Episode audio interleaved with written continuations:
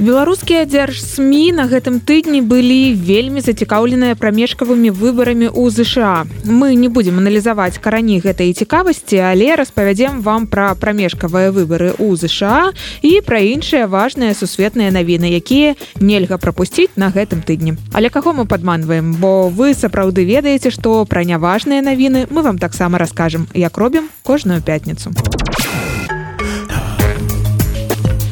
Увесь тыдзень вы не не ды натраплялі на навіны пра прамежкавыя выбары ў ЗША.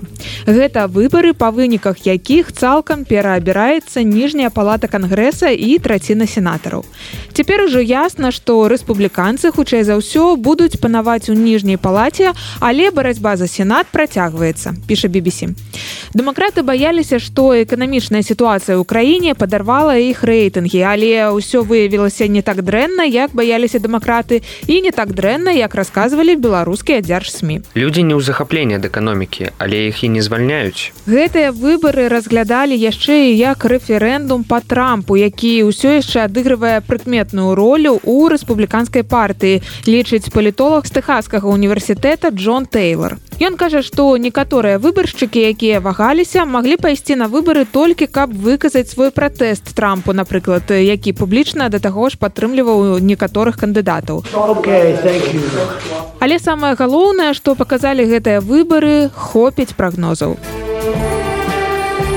Звычайна партыя прэзідэнта, які знаходзіцца ва ўладзе, губляе пазіцыі пасля прамежкавых выбараў, піша BBC. І таму на гэтых выбарах усе чакалі больш прыкметнага поспеху менавіта рэспубліканцаў. Як правіла, людзі робяць заявы не падмацаваныя дадзенымі. І ў кожнага бока ёсць прычыны займацца свайго рода чэрлізінгам. Я думаю, што адзін з урокаў мінулых выбараў у тым, што трэба быць трохі больш асцярожнымі ў такіх прагнозах. Рэзюмуе амерыканскі палітолог Джастин Булхер. А на наступным тыдні будзем сачыць за сустрэчай прэзідэнта ЗША Джо байдена і кітайскага лідара сі дзеньпіня гэта будзе іх першая асабістая сустрэча з тых часоў як байден уступіў на пасаду ў 2020 годзе. Адносіны паміж краінамі даволі напружаныя. Успомнім як увесь свет сачыў за самалётам жалезнай ледзі нэнсі пілосі які набліжаўся да тайваня Менавіта Тайвань у гэтым сезоне галоўная прычына канфлікту паміж ЗША і Кітаем. Байден не ўтойвае, што ён будзе размаўляць сі менавіта пра Тайвань і кожны бок акрэсліць, што для яго чырвоная лінія. Байден у адрозненне ад папярэдніх прэзідэнтаў ЗША неаднаразова казаў, што ЗША будуць абараняць Тайваню ў выпадку ўварвання Китая. Але пасля гэтага белому дому даводзілася апраўдвацца за каментары прэзідэнта і настойваюць маўляў пазіцыя Вашынгтона ўсё яшчэ двухсэнсоўная. Гэта значыць ЗША не абавязваюцца абараняць Тайвань, але і не выключаюць такой магчымасці. Калі вам калі-небудзь трэба будзе коротко патлумачыць дзецям, што такое палітыка, запомніце гэтую фразу. Hmm.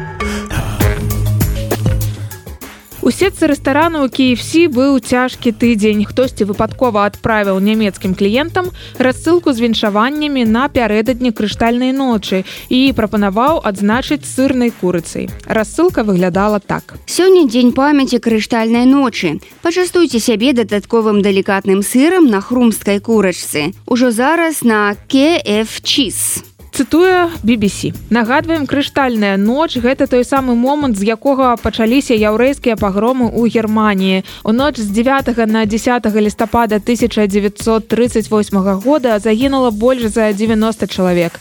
Сінагогі і крамкі якімі кіравалі габрэі былі разгромленыя.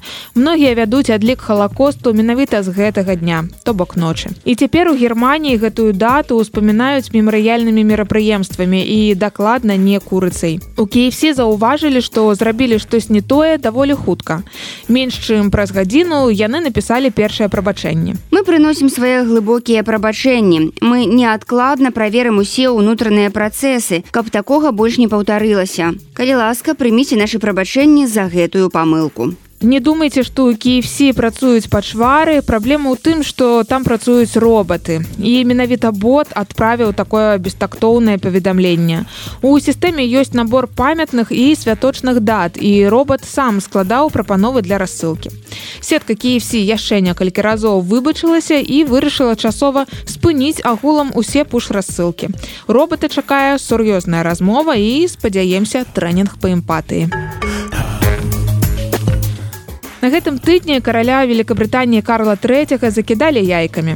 У нападзе на яго вялікасць падазраюць 23гадовага студэнта. Усе яйкі паляцелі міма і не патрапілі ні ў караля, ні ў каралеву кансорт, але маладога чалавека затрымалі. Пасля вызвалення пад заклад студэнт пагаварыў з выданнем Дэйлі Міррор. Ён распавёў, што ў момант затрымання прыхільнікі караля крычалі яму ўслед, што гатовыя забіць яго на месцы. Але мы хочам, каб вы ведалі, што яму пагражае за гэты дзёрзкі выхад акрамя гневу на тоўпу. Маладога чалавека чакае суд, яго абвінавачваюць у парушэнні грамадскага парадку, а пакуль што яму проста забаранілі набліжацца да караля на адлегласць менш за 500 метраў і з'яўляцца ў грамадскіх месцах з яйкамі. А як жа амлет на сняданак спытаеце вы? У паліцыі падумалі і вырашылі, што другую забарону сапраўды варта адмяніць. Што? Так так, ніякіх пакаяльных відэа. Спадзяемся, што беларускія дзяржаўныя смі на гэтым тыдні сачылі не толькі за выбарамі ў ЗША, але і за гэтай гісторыі.